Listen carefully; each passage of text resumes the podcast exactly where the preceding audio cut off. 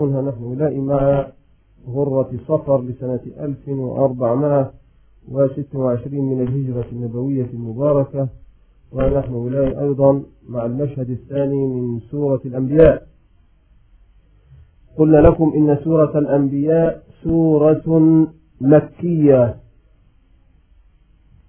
كل السورة مكية على الرأي الراجح وهي مائة واثنتا عشرة آية. وهذه السورة العظيمة سورة الأنبياء تتكلم عن هؤلاء الجاحدين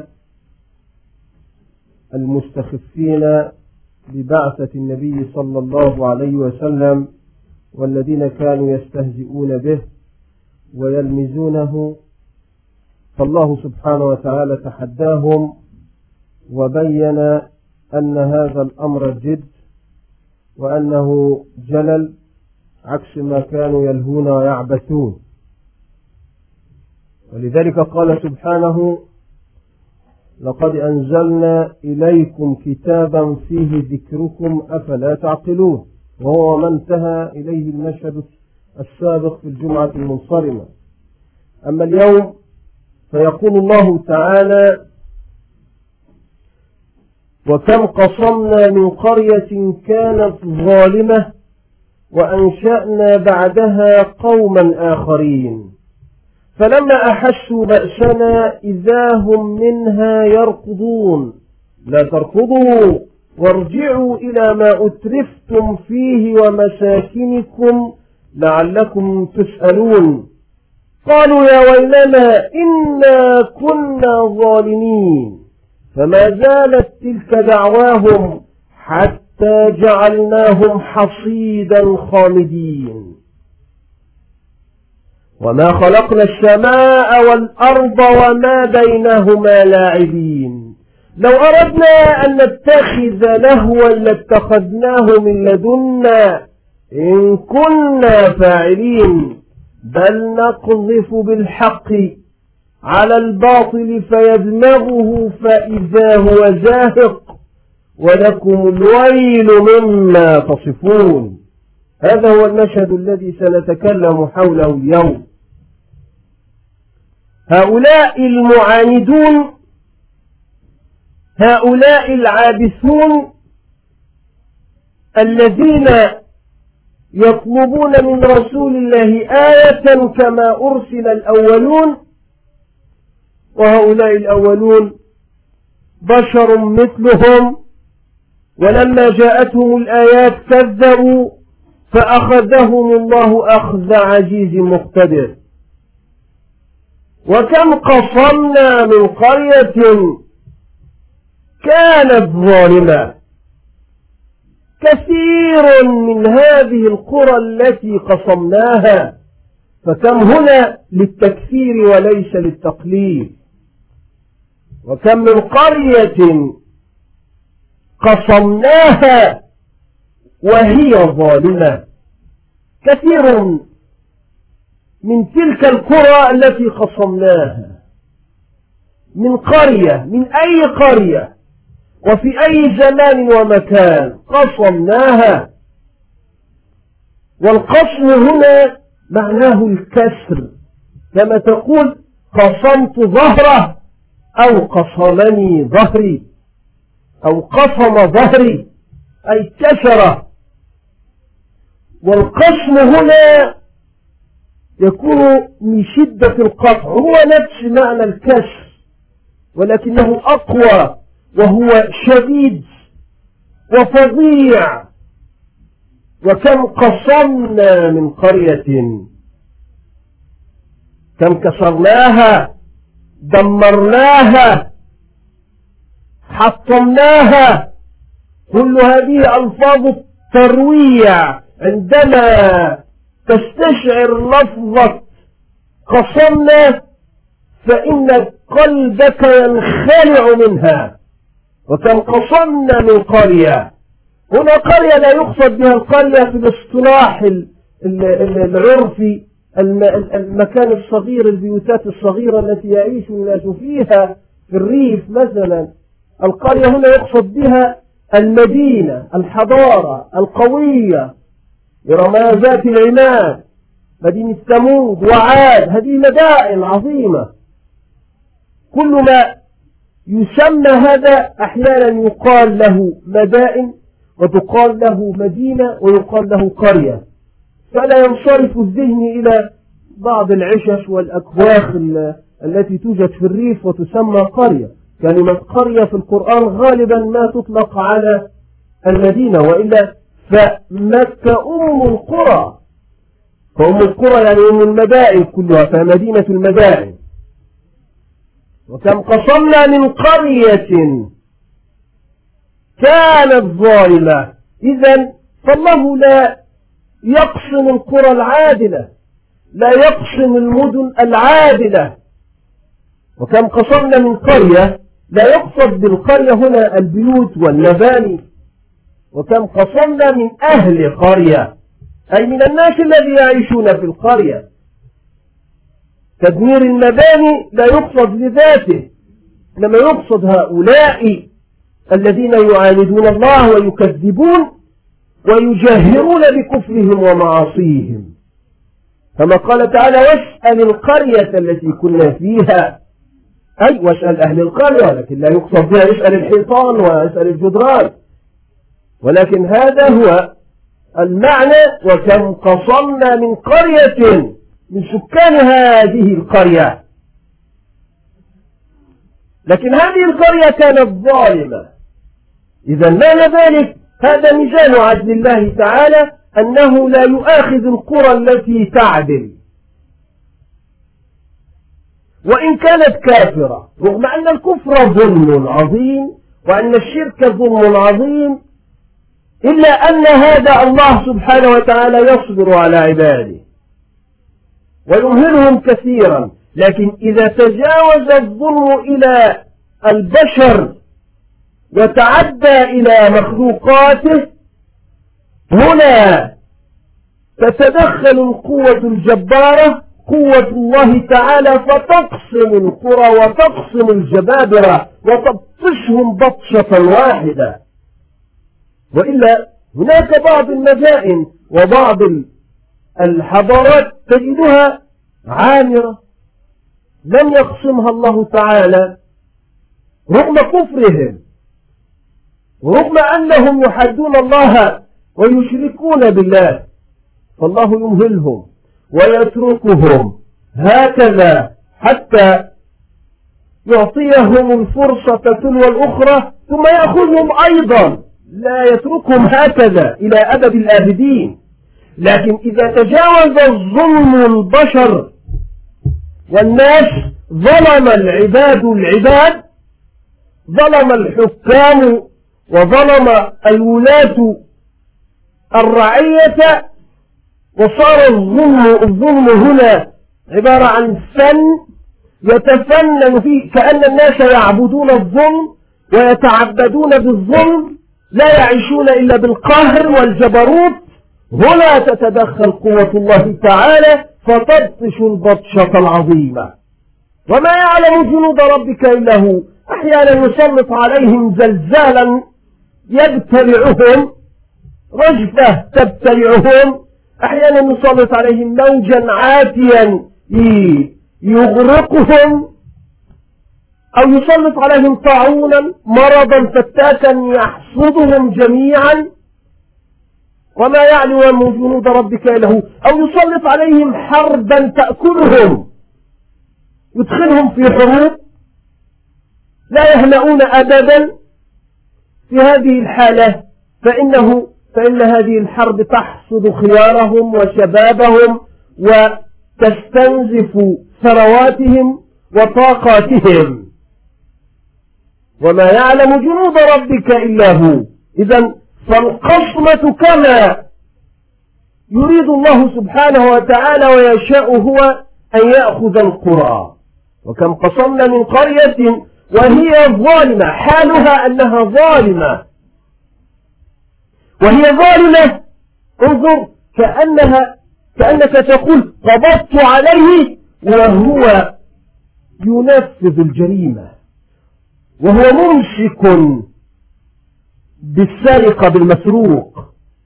قبضت عليه وهو يختلف وهو متلبس بالظلم وهي ظالمة حالها ديمومتها أنها ظالمة. لم تكن ظالمة ثم حاسبناها هي ظالمة من قبل ولما جاءتها البطشة ولما جاءها القسم هي ظالمة. كانت ظالمة لا تزال تعمل في الظلم. وكم قصمنا من قرية وهي ظالمة. قصمها كسرها دمرها حطمها. خذ كل ألفاظ الترويع والترهيب والتخويف وما يدور في خلدك فإنك تعلم كيف أخذ الله هذه القرى الظالمة. وما هو القسم بحق؟ راحت قصمها انتهت. وكم قصمنا من قرية وهي ظالمة. انتهت. فصارت يبابا بيوتهم دمرت صارت خرابا. بلقعا. وأنشأنا بعدها قوما آخرين. نفس هذه القرى ونفس هؤلاء الناس.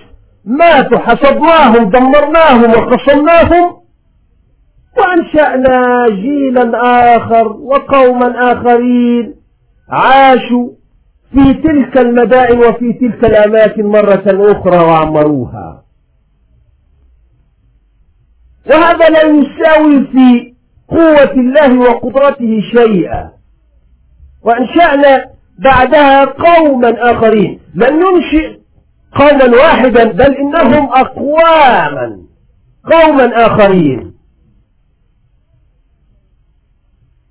هناك أناس جاءوا فعمروا بعد هذا القسم وهذا البطش. هذه القرى عندما كانت تجيئها البطشة ماذا فعلوا؟ كانوا ينذرونه. أيها الناس اتقوا ربكم. خافوا الله تعالى. هناك يوم الحساب. وهناك قوة جبارة تتدخل وتأخذكم. ألا تتعظون من خلال هذه الأمراض التي يسلطها الله عليكم. وتحصد سنويا ملايين البشر. ألا تتعظون كفوا ظلمكم. لكن الناس لا يتعظون ويستخفون ويتفكهون وهكذا حتى قال الله تعالى لاهية قلوبهم. هي في غفلة لاهية لاعبة غير جادة. لكن لما يأتي وقت القسمة وقت الحسم والكسر والبطش فلما أحسوا بأسنا إذا هم منها يركضون.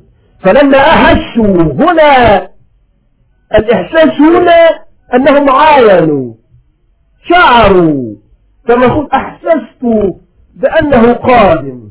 أحسست شيئا ما كأنك عاينته استشعرت بأن هناك شيئا سيحدث.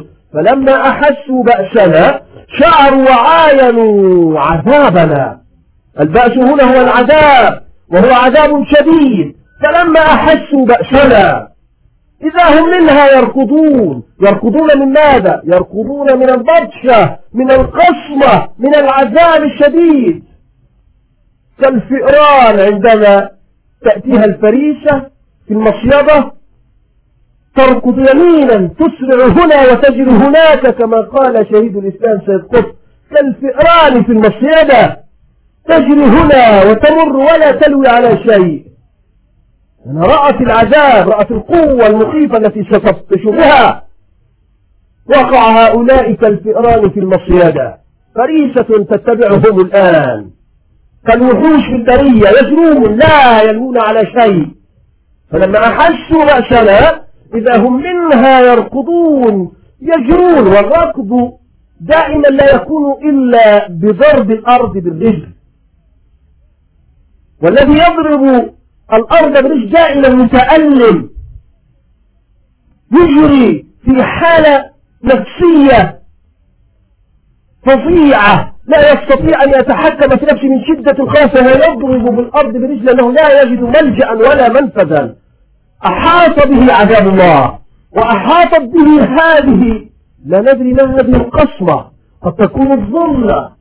وهو قد يكون غمام أسود شديد فيمطر مطرا يغرقهم أو تكون رجفة فالزلزلة تبدأ أو يكون موجا عاتيا فيكون الموج العاتي فإنه يرعبهم ويفزعهم فإنهم يلون ويجرون. ورأيتم في الشاشات وفي الفضائيات كيف كان الناس يجرون والأمواج تكاد أن تتبعهم وتفترسهم وهذه السيارات صارت مثل علب الكبريت وهي هذه السيارات العملاقة الكبيرة. تبتلعها الأمواج وهذه السفن تبتلعها الأمواج. فصارت مثل ألعب الأطفال لعب الأطفال. والناس يجرون لا يلوون على شيء. الموج وراءهم كأنه أسد يسرع لينقض على فريسته. فلما أحسوا بأسنا إذا هم منها يركضون. يجروا يسرعون. لا تركضوا. لا تركضوا وارجعوا وارجعوا إلى ما أترفتم فيه ومساكنكم. انظر إلى هذا هذا هذا الاستهزاء والتهكم. عندما كان إنسانا كان إنسانا واقفا يستهزئ بك لا تجري لا تجري. لماذا تسرع؟ أنت أنت ربما تريد أن تقتل تجده أن تضربه بشيء كيف يستهزئ بك في ظل هذا المكان وهذا ألا ترى؟ ألا ترى العذاب؟ ألا ترى البطشة؟ ألا ترى ما نحن فيه؟ وفي نفس هذا يأتيهم عذاب آخر هو عذاب التهكم والسخرية. لا تركضوا. وارجعوا إلى ما أترفتم فيه ومساكنكم. ارجعوا إلى ما أترفتم فيه. إلى المساكن الجميلة. أين تذهبون؟ لماذا تتركون هذه الأماكن والقصور الآن؟ لماذا تتركون أبناءكم وذراريكم الآن؟ أين المفر الآن؟ يقول الإنسان يومئذ أين المفر؟ كلا لا وزر. إلى ربك يومئذ المستقر. أين ستذهب أيها المسكين؟ لا تركضوا وارجعوا ارجعوا ارجعوا ارجعوا إلى بيوتكم. لماذا تتركونها؟ أين الرفاهية؟ وأين البيوتات الجميلة؟ وأين القصور؟ وأين السيارات وأين هذه العظمة والقبهة والحدائق اليانعات وهذه الخضرة الجميلة؟ وهذه المسابح؟ وهذه الجنات؟ وهذا الجو المريح والعيش الرغيد؟ ارجعوا إليه ارجعوا الآن. لا تركضوا. ارجعوا إلى ما أترفتم فيه. ومساكنكم لعلكم تسألون. لعلكم تسألون لماذا تركضون لعلكم تسألون عن شيء ما. كل هذا عذاب فوق العذاب الذي هم فيه من باب السخرية. هذا في الدنيا. هذا عذاب في الدنيا. لا, لا هذه الآيات تتكلم عن الدنيا لا تتكلم عن الآخرة. هذا لقوم أصابتهم القصمة أصابتهم البطشة قرى ظالمة عاشت في الظلم ولدت أجيال ظالمة. يعني تخيل أن جده ظالم وأباه ظالم وأخاه ظالم وهو ولد وأسر ظلما. مجتمع كله ظلم لا يوجد فيه من يعدل ومن يقول بالحق. هدم الحق في هذه القرى أو هذه القرية. لا تركضوا وارجعوا إلى ما أترفتم فيه ومساكنكم لعلكم تسألون. ماذا أجابوا وهم في هذا الفزع؟ وهذه الدهشة وهذه الزلزلة. تخيل هذا هذا يحدث نحن القرآن يتكلم عن هذه الصورة التي حدثت للقرى الظالمة التي أخذها كسدوم وغيرها. هذا حدث لهؤلاء هذا حدث لأهل مدين هذا حدث لقوم نوح ولعاد وثمود. كل هؤلاء حدث لهم هذا الفزع والقرآن يصوره لنا. يتحدث بحقيقة عما حدث. ونحن شاهدنا ونشاهد عندما تصيب الناس زلزلة في عمارة. زلزلة فقط. يحدث زلزال.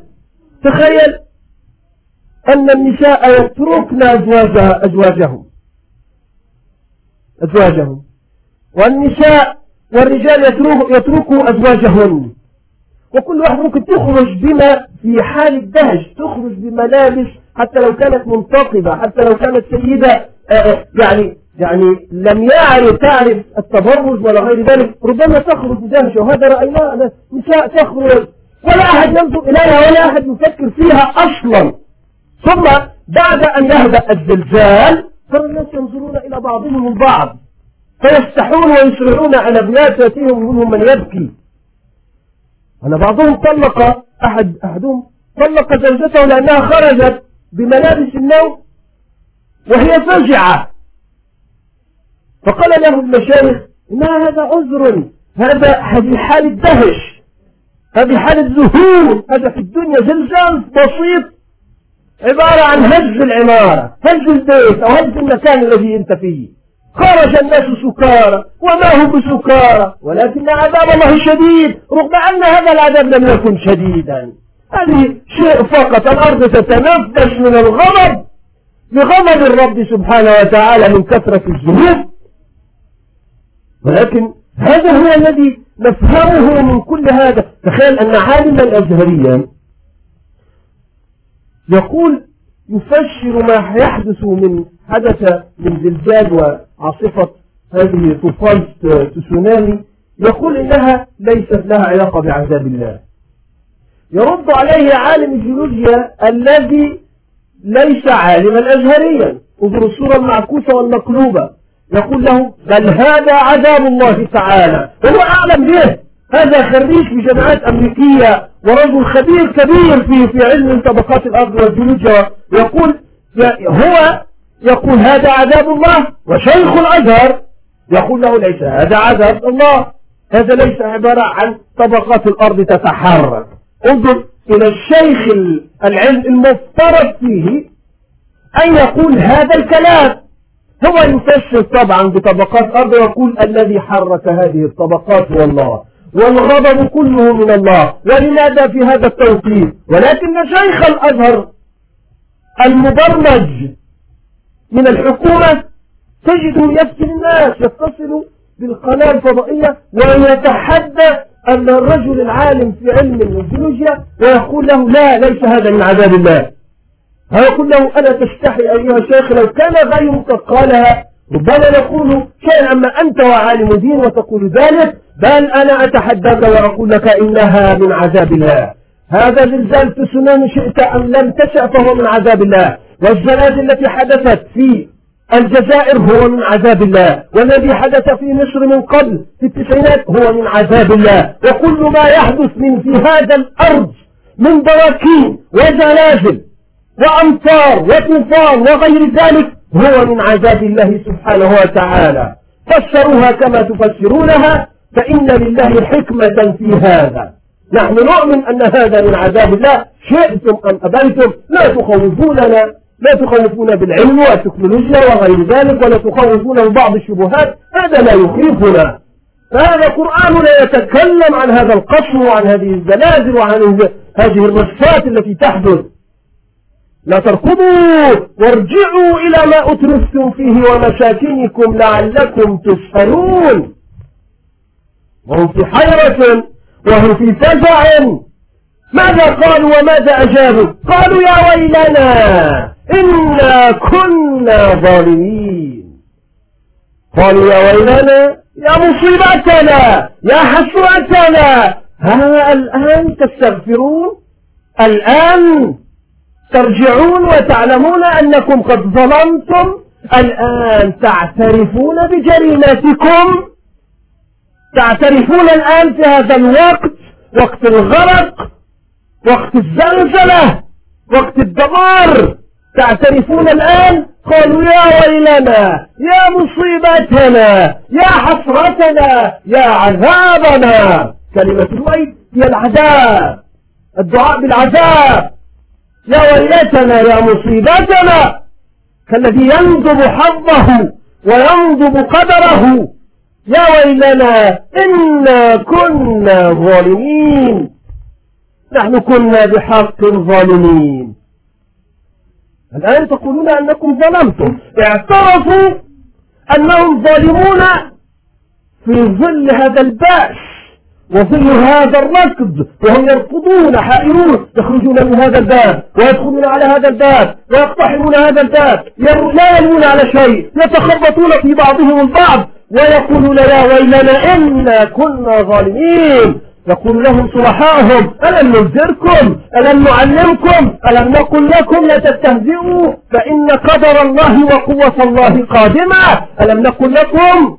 قالوا يا ويلنا إن كنا ظالمين. نعترف الآن أننا كنا ظالمين. كنا نتجبر في الأرض كنا نبطش في الأرض كنا نظلم العباد وكنا نستولي على ثروات العباد. كنا نأخذ الإنسان نبيع هذا الإنسان. كل شيء بعناه في المزاد حتى العبادة بعناها في المشاد حتى المساجد بعناها في المزاد حتى العباد بعناهم في المزاد كل شيء فعلناه واقترفناه من جرائم.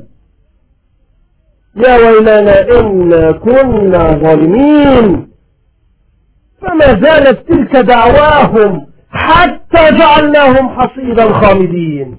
فما زالت ما زالوا يتكلمون وهم في هذا العذاب. يجرون يمينا ويسارا هم يرون هذا الفزع وهذا الهلع وقلوبهم قد انخلعت. لا تلي على شيء فما زالت تلك دعواهم. لا زالوا يتكلمون ويدعون يا ويلنا إن كنا ظالمين يا ويلنا إن كنا ظالمين. هكذا. فما زالت تلك دعواهم فهم مستمرون في هذا. يا مصيبتنا إنا كنا ظالمين. فما زالت تلك دعواهم حتى جعلناهم حصيدا خالدين. حتى حصدهم الله. والحصد هذا لا يكون إلا بالمنجل. هذه الآلة الحادة التي تحصد الزرع. هذا الحصد لا يكون إلا بالمنجل ولا يكون باليد هكذا. حصدناهم كأنهم زروع يافعة قوية زرع نبت جميل باسط فجاء الفلاح فحصده فيأخذه فيحصده. انظر فهي زروع فهم بشر في كامل خلقة وبسطة وهم هؤلاء الشباب وهذه القوة الجبارة وهذه الفتلات وهذا الجمال وهذا البهاء والحسن يحصد الآن. فما زالت تلك دعواهم حتى جعلناهم حصيدا. فهم محصودون فعيل. يحصد من الكثرة كأنك تأتي بهذا المنجل فتحصد رؤوسهم. حتى جعلناهم حصيدا كأنك بتحصد في محصول. انظر إلى هذا. إن هذا الزرع وهذا النبت وهذه التشبيهات العظيمة في القرآن الكريم دائما كمثل زرع أخرج نباته. هكذا دائما الإنسان مثل الزرع. وعندما ذلك يقول تدعو للمولود أحيانا تقول له اللهم أنبته نباتا حسنا. يعني إيش نباتا حسنا؟ مثل النبات النبت الزرع. دائما الإنسان مثل النبت يخرج بقلة صغيرة تضعها البذرة هذه البذرة الصغيرة توضع في في في في بطن الأرض هكذا ثم تشق الأرض تخرج. كأنها خرجت من بطن أمها. آه ومن بطن أمه تخرج. فيكبر فيكبر فالزرع ينمو ويكبر مثل الإنسان تماما مثل حركات الإنسان. هو صغير النفس هكذا يأتيه الهواء يلاعبه ويلاطفه. تأتيه أمواج عاتية ممكن أن تغرقه وهو صغير.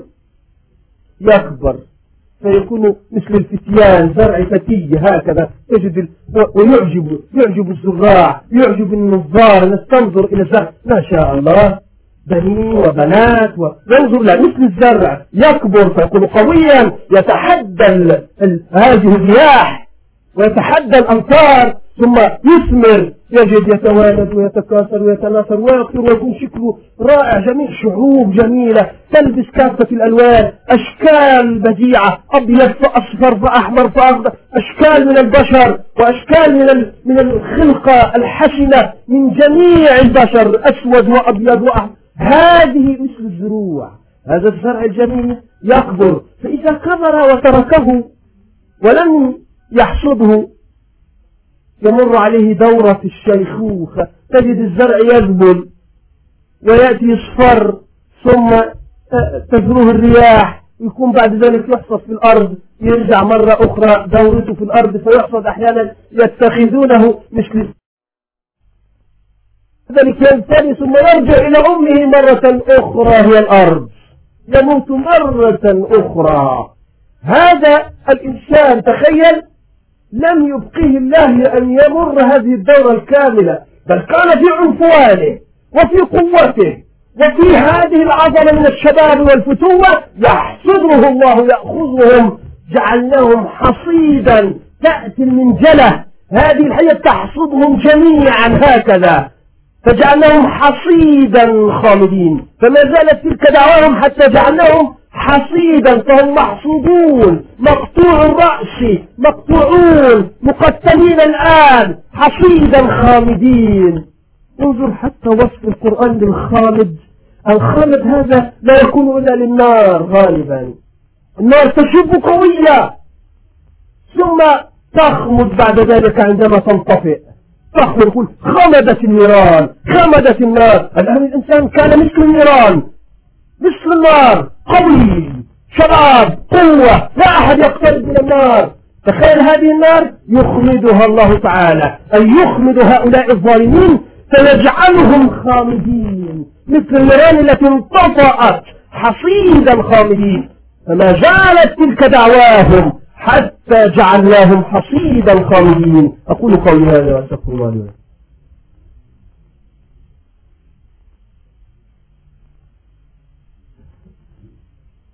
إن الحمد لله نحمده ونستعينه ونستغفره ونثنى عليه الخير كله نشكره لا نكفره ونخلع ونترك من يذكره اللهم إياك نعبد ولك نصلي ونسجد إليك نسعى ونحفظ نرجو رحمتك ونخشى عذابك. إن عذابك الجد بالكفار والحق وأشهد أن لا إله إلا الله وحده لا شريك له وأشهد أن محمدا عبده ورسوله. وبعد لا زلنا في سورة الأنبياء وفي المشهد الثاني الذي بدأناه وكم قصمنا من قرية وهي ظالمة. الله سبحانه وتعالى بعد أن حصدهم وأن جعلهم خامدين يرجع مرة أخرى يرد على هؤلاء الذين قالوا بل قالوا أرغف أحلام بل افتراه بل هو شاعر. هؤلاء الذين قال فيهم وهم في غفلة هؤلاء الذين قال فيهم لاهية قلوبهم. يقول الله تعالى يرجع إلى هؤلاء ويبين لهم ماذا حدث للأمم الظالمة التي تحدث الحق وما خلقنا السماء والأرض وما بينهما لاعبين. أنتم تتكلمون أننا بعثنا هذا النبي وهذه الدعوة أنها عبارة عن مجرد عدد دعوة لعب فالله سبحانه وتعالى يرد على هؤلاء العابثين الذي سيقصمهم فيما بعد وما خلقنا السماء والأرض هي أكبر من خلقكم أنتم. وما خلقنا السماء والأرض السماء بمن فيها؟ من ملائكة. مطيعين لله. هؤلاء الملائكة المطيعون لله لا يعصون الله ويفعلون ما يأمرهم ربهم. هؤلاء بمن فيهم كل هذه السماوات وهذه الأرض وهذه الأراضي وما بينهما. كل ذلك خلق بالجد وهذا الكون ما خلق إلا بالجد. لم يخلق عبثا. وإلا فلماذا خلق الجنة والنار؟ ولماذا الحساب والصراط؟ ولماذا هذا كله؟ لو, كانت لو كان الأمر عبثا ولعبا ولهوا إنه أمر جد وأمر جلل وما خلقنا السماء والأرض وما بينهما لاعبين. حاشا لله أن يكون يخلق مثل هذا لعبا وعبثا. هؤلاء العابثون اللاعبون يرد عليهم الله سبحانه وتعالى مرة أخرى لو شئنا. وما خلقنا السماء والأرض وما بينهما لاعبين. لو أردنا أن نتخذ لهوا لاتخذناه من لدنا إن كنا فاعلين. لو أراد الله يقول هكذا الله لو أردنا أن نتخذ لهوا لو كان أنتم تعلمون أن لو هذه حرف امتناع كما يقول أهل النحو. يقولون لو حرف امتناع يفيد الامتناع أي امتناع جواب الشرط الامتناع فعل الشرط. ففعل الشرط أصلا محال أن الله يخلق عبثا يعني. وجواب الشرط محال أيضا. لو أردنا أن نتخذ لهوا هذا فعل الشرط. الجواب لاتخذناه من لدنا. وهذا جواب الشرط وهو مستحيل أيضا. هذا مستحيل ولكن على الافتراض الجدلي سبيل الجدلي. الله لو أراد أن يتخذ لهوا وحاشا لله ذلك على سبيل الافتراض يتخذه في السماء مع الملأ الأعلى هناك مع الملائكة المقربين لا يتخذوه منكم أنتم أيها البشر هؤلاء الخلق الذين تتغير أجسادهم ويتغيرون في أمزجتهم خلقهم بصفة معينة يتخذ من لدنه هو. هناك في عليين في السماء يتخذه من الذات يتخذ عنده لو أن الأمر هكذا ولماذا يتخذ عندكم؟ لأنهم قالوا قالوا اتخذ الله ولدا. هم الذين قالوا ألم يقل النصارى واليهود؟ قالوا قالوا عزير ابن الله. والنصارى قالوا المسيح ابن الله. اتخذ وقال اتخذ الرحمن ولدا. طيب لو أردنا أن نتخذ ولدا نتخذ لهوا لاتخذناه من لدنا؟ قال قال ابن جرير له في لغة أهل اليمن يعني المرأة. يعني يتخذ الله يتخذ ولد ويتزوج مثلكم وحشى لله ذلك. فاتخذه من لدنا عندنا فوق في السماء. لا نتخذه من البشر. يتخذ الإله هناك ويكون إله مع إله وهذه صورة مستحيلة. لكن هذا من باب التقريب والتقريع هؤلاء المعاندين العابثين. لو أردنا أن نتخذ لهوا لاتخذناه. يعني لو نريد أن نتخذ حتى ابنا يتخذوا من عنده فوق ويتخذوا من البشر الذي يتغير ويصلب ابنه ويتعذب ويكسروه ويحطوه على الصليب ويقعدوا يدمروا فيه ويعذبوه.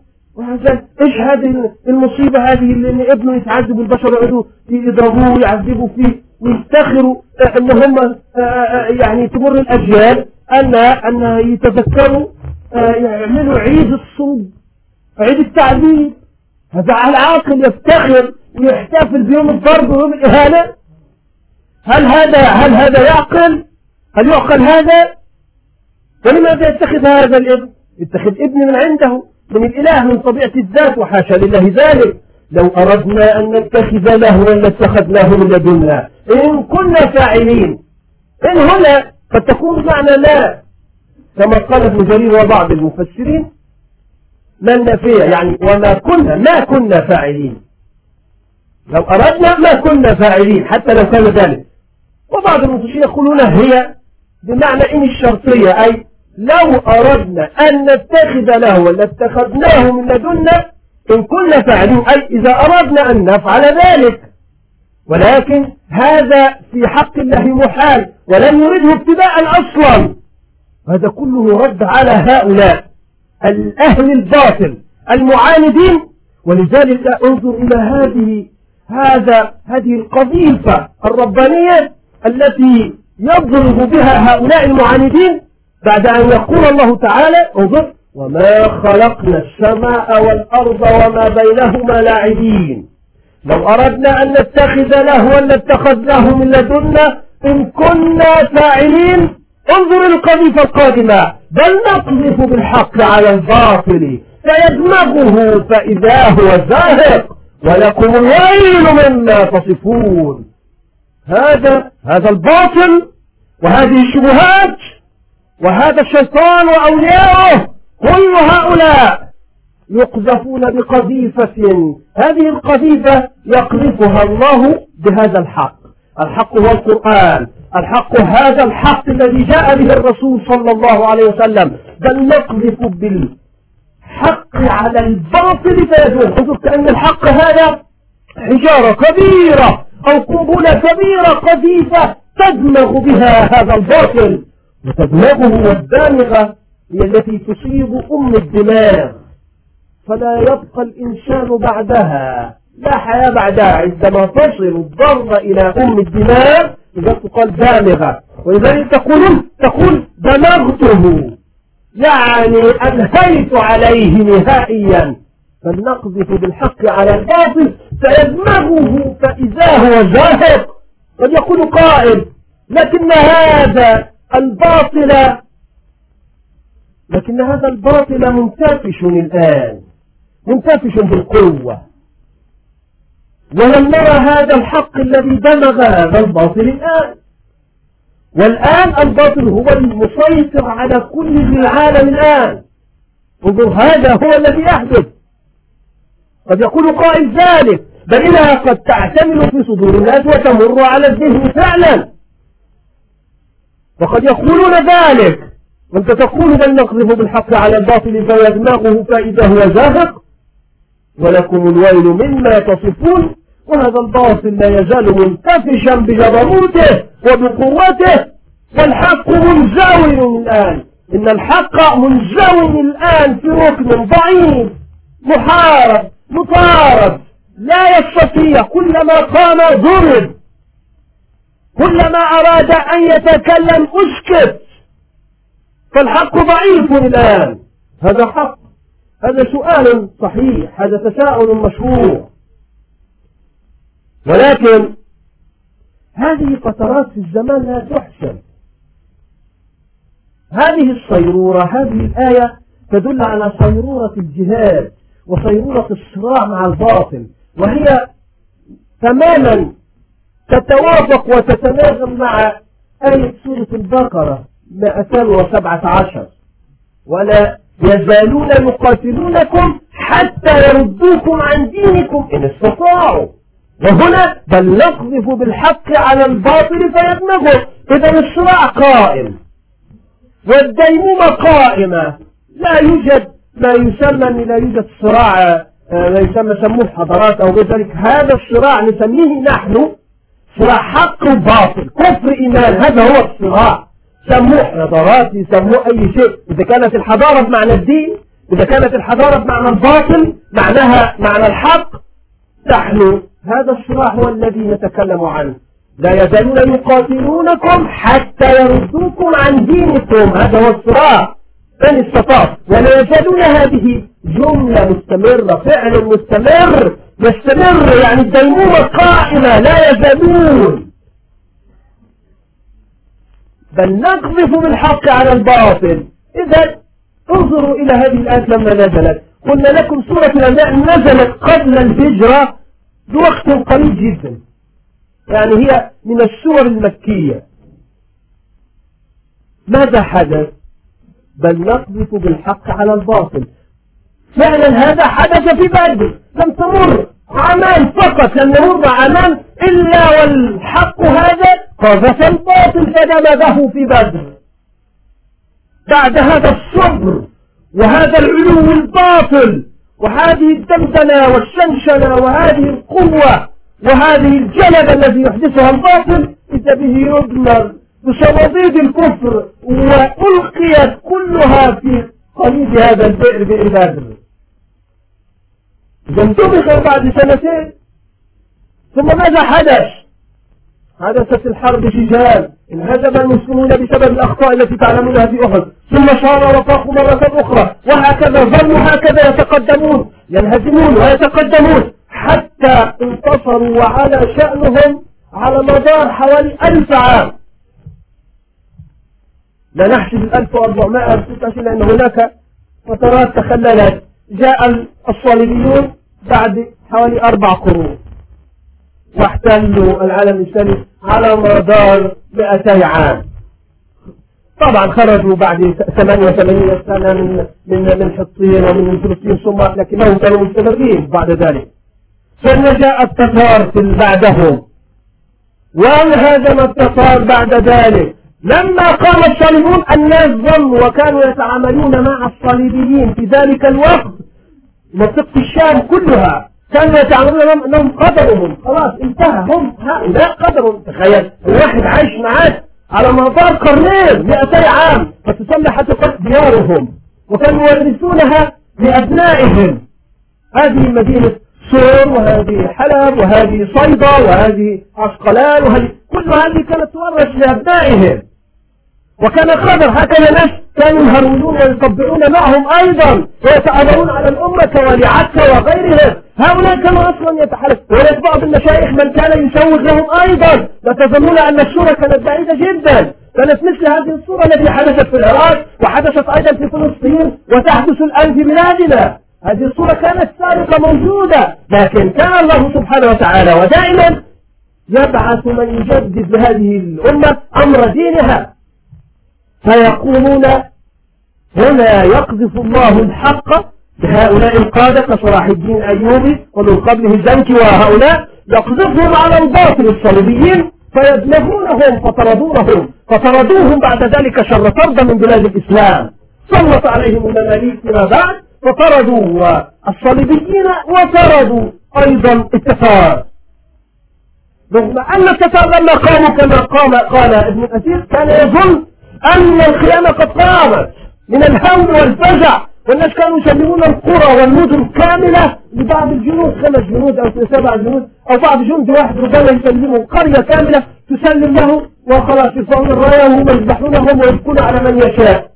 وصل الأمر خلعت قلوب الناس بسبب بعدهم عن ربهم. لكن جاء الحق مرة أخرى فقذف الله به الباطل فدمغه مرة أخرى فانتصر المسلمون وعادوا مرة أخرى إلى دينهم وعادت قوة المسلمين. لكن بعد ذلك على الباطل مرة أخرى. عن طريق بقى هذه هذا التخلي عن الشريعة الإسلامية والاستعمار ما يسمى قامت قومة أوروبا واستعمارها فتحالفوا على الدولة الإسلامية في العثمانية. ثم بعد ذلك هذا الباطل على على وتقدم نتيجة ضعف ضعفنا نحن. ونتيجة خورنا نحن ونتيجة هرعونتنا نحن ونتيجة تخلينا عن ديننا نحن. فانقلبت الآية فسلط الباطل على الحق فضربه ولم يدمغه. أضعفه ولم يدمغه. ولكن الحق لا يزال قائما رغم كل هذه الضربات. قام قام مرة أخرى. متى قام الباطل وقامت له دولة قوية. يعني نحسبها بالزمن حتى. حتى الناس اليائسين الذين يقولون. أنت تتكلم عن الإسلام سيقوم بل نقذف بالحق على الباطل. يا سيدي ما هم متقدمون في كل شيء ومستعمرين منذ زمن. منذ متى يعني؟ لو حسبناها هنحسبها قرنين من الزمان. يوم أن لم يوجد للمسلمين دولة بمعنى دولة. حتى قبل الدولة العثمانية ما تسقط سنة 1924 كانت الدولة العثمانية في ضعف قبلها بقرن أيضا يعتبر بقرن كمان قبلها. السقوط الرسمي غير السقوط اللي قبلها لأنهم كانوا مسيطرين بعد قرنين. لم يعلوا علوا ماذا؟ طلعت لنا أسبانيا البرتغال ثم هولندا ثم بعد ذلك فرنسا ثم قفلت فرنسا وطلعت إنجلترا. استنى هنا ضعفت إنجلترا فسلمت لما القوة الغاشمة الجبارة الأخرى وعبارة عن مجموعة من اللصوص والسارقين والذين كانوا يهربون من السجن مغامرين مجموعة من المغامرين هربوا إلى يكتشفوا أي شيء يسافروا فيه. لعلهم يجدون أي شيء. وصلوا إلى ما تسمى أمريكا. وهي لفظة أمريكا هذه لفظة واحد إيطاليا لفظة إيطالية أصلا. ورغم ذلك دخلوا هناك هؤلاء فذبحوا السكان ودمروهم بهمجية ولا رحمة ولا هوادة. واستوطنوا هذه البلاد وصارت لهم دولة. منذ متى يعني؟ متى قامت لهم القائمة على العالم كله؟ هنا بعد الحرب العالمية الثانية نجمه مرتفع فقط. بعد ضعف هذه الدول ولا يوجد دولة إسلامية تستطيع أن تتحداهم وتقاومهم فماذا حدث؟ قامت أمريكا ثم قام بعدها التوازن الرباني هو الدافع قانون الدافع. ولولا دفع الله الناس بعضهم ببعض لفسدت الأرض. قامت قوة غاشمة هناك تسمى القوة الرأسمالية ثم قامت القوة الشيوعية في نفس الوقت. فتحدى هؤلاء وعاش الناس على هامش الاثنين ثم بعد ذلك انظر إلى هذه العظمة الربانية وهي آيات نراها. لقد عاصرنا نحن فترة وحقبة كبيرة من سقوط الدولة الشيوعية القوية هل كان أحد يتخيل أن الشيوعية روسيا شفت هذا تسقط بهذه السهولة في خلال سبعين سنة. 1917 للتسعينات من السنوات يسقط على يد هؤلاء المجاهدين الأفغان. هل كان يتخيل أحد أن تنهار المنظومة كالمتواليات الهندسية التي انطلق عقدها هكذا بهذه الطريقة. بل يقذف بالحق. وكان الحق في ذلك الوقت عبارة عن أسلحة بسيطة ونجم كثير. وهؤلاء الملتحين رص الثياب الذين يعيشون في الجبال ومطاردون هنا. على مدار عشر سنين ظلوا يقاتلون وقتل منهم وحصدت الحرب ما حصل في أفغانستان ثم بعدها انهار هؤلاء انهار الدب الأحمر المخيف المرعب. راح وسقطت هذه الحضارة أو هذه الحضارة الغاشمة هذا الإلحاد الغاشم المتجسد فيها الشيوعية. انهار أمام أعيننا وهي الآن أدنى رغم ضعف المسلمين. رغم أنهم لم يكونوا قوة ولم تكن لهم دولة. وستنهار أمريكا أيضا إن شاء الله في سنة الله هكذا. لا بد أن تنهار هذا الانهيار لا ينهار بضربة بضربة الملاكمة أنك تضربه الضربة القاضية ينهار أمامك مثل الإنسان وينهار داخليا. ثم بعد ذلك تبدأ علامات التفكك في الدولة وثم ثم ذلك تكون أثرا بعد عين إن شاء الله. وسيكون قريبا لأن الزمان يدور بسرعة. هذا الزمان يدور بسرعة ولذلك دائما التوائم ينهارون مع بعض. ينهر الفرس انهارت الروم انهار الفرس انهار الروم. هكذا دائما انهارت التوائم الشيوعية انهارت الرأسمالية انهار تبدأ هكذا. ولا يشترط الروم انهاروا بعد فترة طويلة ليس بعد فترة قصيرة عندما المسلمون والعجيب أنهم جميعا انهاروا على يد المسلمين. وقسموا على يد المسلمين.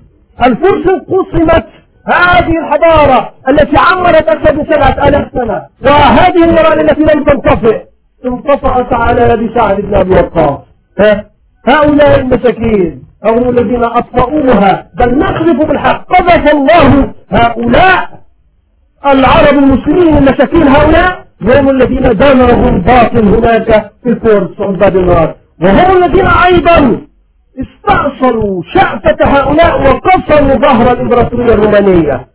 وكفرت هذه الدول كلها الشام ومصر وغير كل هذه كانت من أملاك الدولة الرومانية احتلوها. فجاء الإسلام فقسم ظهور هؤلاء جميعا. وعمروا أكثر من الإسلام ما جينا نحسبها بالحساب. أو يعمروا بالآلاف. فسبعة آلاف وألف سنة. آلاف السنين كانوا يعمرون. فالذي قسمهم الله تعالى فيما بعد ذلك بالحق الذي هو الإسلام على يد رجاله. لكن المشكلة فينا أننا لا يوجد فينا هؤلاء الرجال. هؤلاء قلة لا تزال هذه العصابة تقاتل هناك وهنا. كما حدث من قبل. انظر هل فتحتم التلفاز وسائل الإعلام العربية الإسلامية؟ هل ذكروا هذا الرجل الرئيس الذي قتل هناك ممددا متقدم بدمائه في الشارع قتله هؤلاء الملاحدة الروس الشيوعيون هؤلاء بمعاونة الخونة الرئيس أصلام مسخدوف عندما رحمة الله عليه يقتل ويستشهد بهذه الطريقة ولا يستنكر هذا الغرب دائما الذي يصرخ بمجرد أن صعلوكا أو جنديا حقيرا قتل خطأ في مكان ما. أصيب في أصبعه بشظية أو بحجارة لطفل مسكين يضربه. فإنهم يستنكرون ويخرج كفر علان ويخرج كل كان أدوار تجد رئيس الاتحاد الأوروبي وتجد المتحدث باسم هؤلاء وهذه المرأة هذه أنثى العنكبوت المجرمة التي تسمى كنتليجة يخرجوا علينا ويخوفوننا ويستنكرون. لكنهم أسكت الله حسهم جميعا. فإذا بهم لا يستنكرون. هذا رجل أنتم اعترفتم به أنه الرئيس الشرعي للشيشان. فلماذا لم تستنكروا لأنها مصالح. اسكت علي في العراق اسكت عليك في الشيشان. هكذا مصالح. هؤلاء لا يريدون منا من الإسلام خير. هم مختلفون في كل شيء إلا على استئصال الإسلام. لا يريدون وجه الإسلام وإن تحرك بينهم. لكن انظر إلى بلادنا. ماذا تكلم المسلمون؟ هل يعرف الشعوب تكلمت عن هذا أو حتى تكلموا وترحموا على هذا الرجل العظيم أسلام مشخدون؟ كان في إمكان أسلام مشخدون أن يعيش حياة القصور ويكون مطرفا كبقية هؤلاء الرؤساء الذين بساووا في دخول ثروات الأمة رغم أنه كان منتخبا شعبه الذي انتخبه والقادة الميدانيون أيدوه ورغم ذلك ترك حياة القصور وذهب إلى هذه القرون وهذه القرى يتنقل من هنا هنا وقتل وحيدا مسكينا ويتنقل من قرية إلى أخرى إما قتلوه بمشاية أو قتلوه باعتراض أو بخيانة أو غير ذلك. لكن هذه هي الحرب. هذا هو قانون الله تعالى. هذه سنة الله ليبتلنا. هذه الآية بل نقذف بالحق على الباطل. قد يكون قائما هؤلاء الروس يحشدون الآن ثلاثة رؤساء قتلوهم ويقتلون الشعب منظر الشعب ثلثي الشعب قتل على يد الروس وهذه إلى متى سنستمر نحصد هكذا؟ هذا في ميزان عدل الله.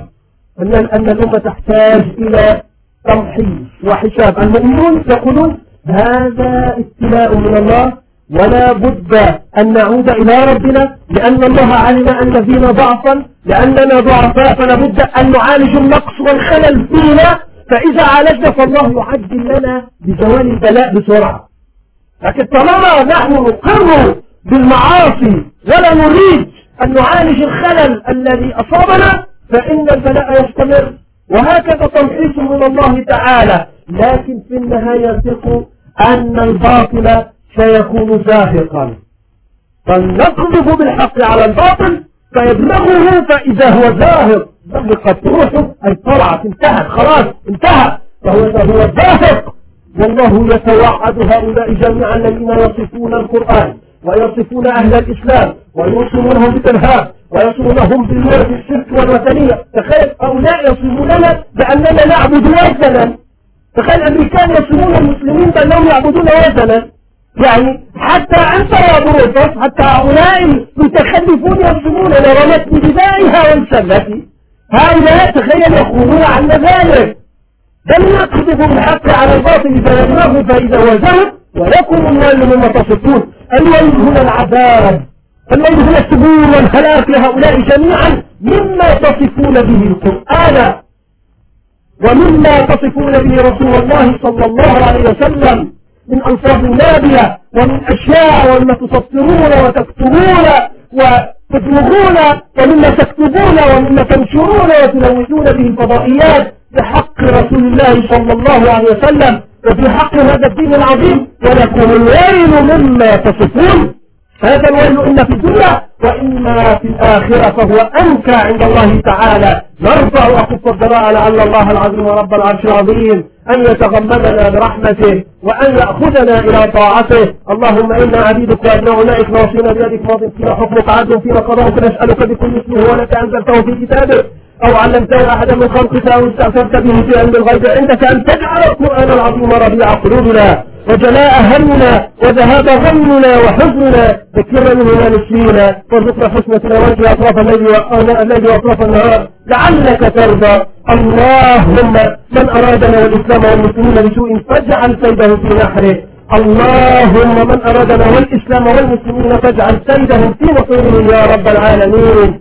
اللهم إنا ضعفاء فقونا فقراء فأغننا أذلاء فأعزنا. اللهم أعزنا بعزة الإسلام. اللهم انصرنا وانصر إخواننا المستضعفين في كل مكان. انصر إخواننا المستضعفين في فلسطين وفي العراق وفي الشيشان وفي كشمير وفي أفغانستان وفي الفلبين وفي تايلاند وفي كل مكان يذكر فيها اسمك يا رب العالمين. اللهم أمين وأقم الصلاة.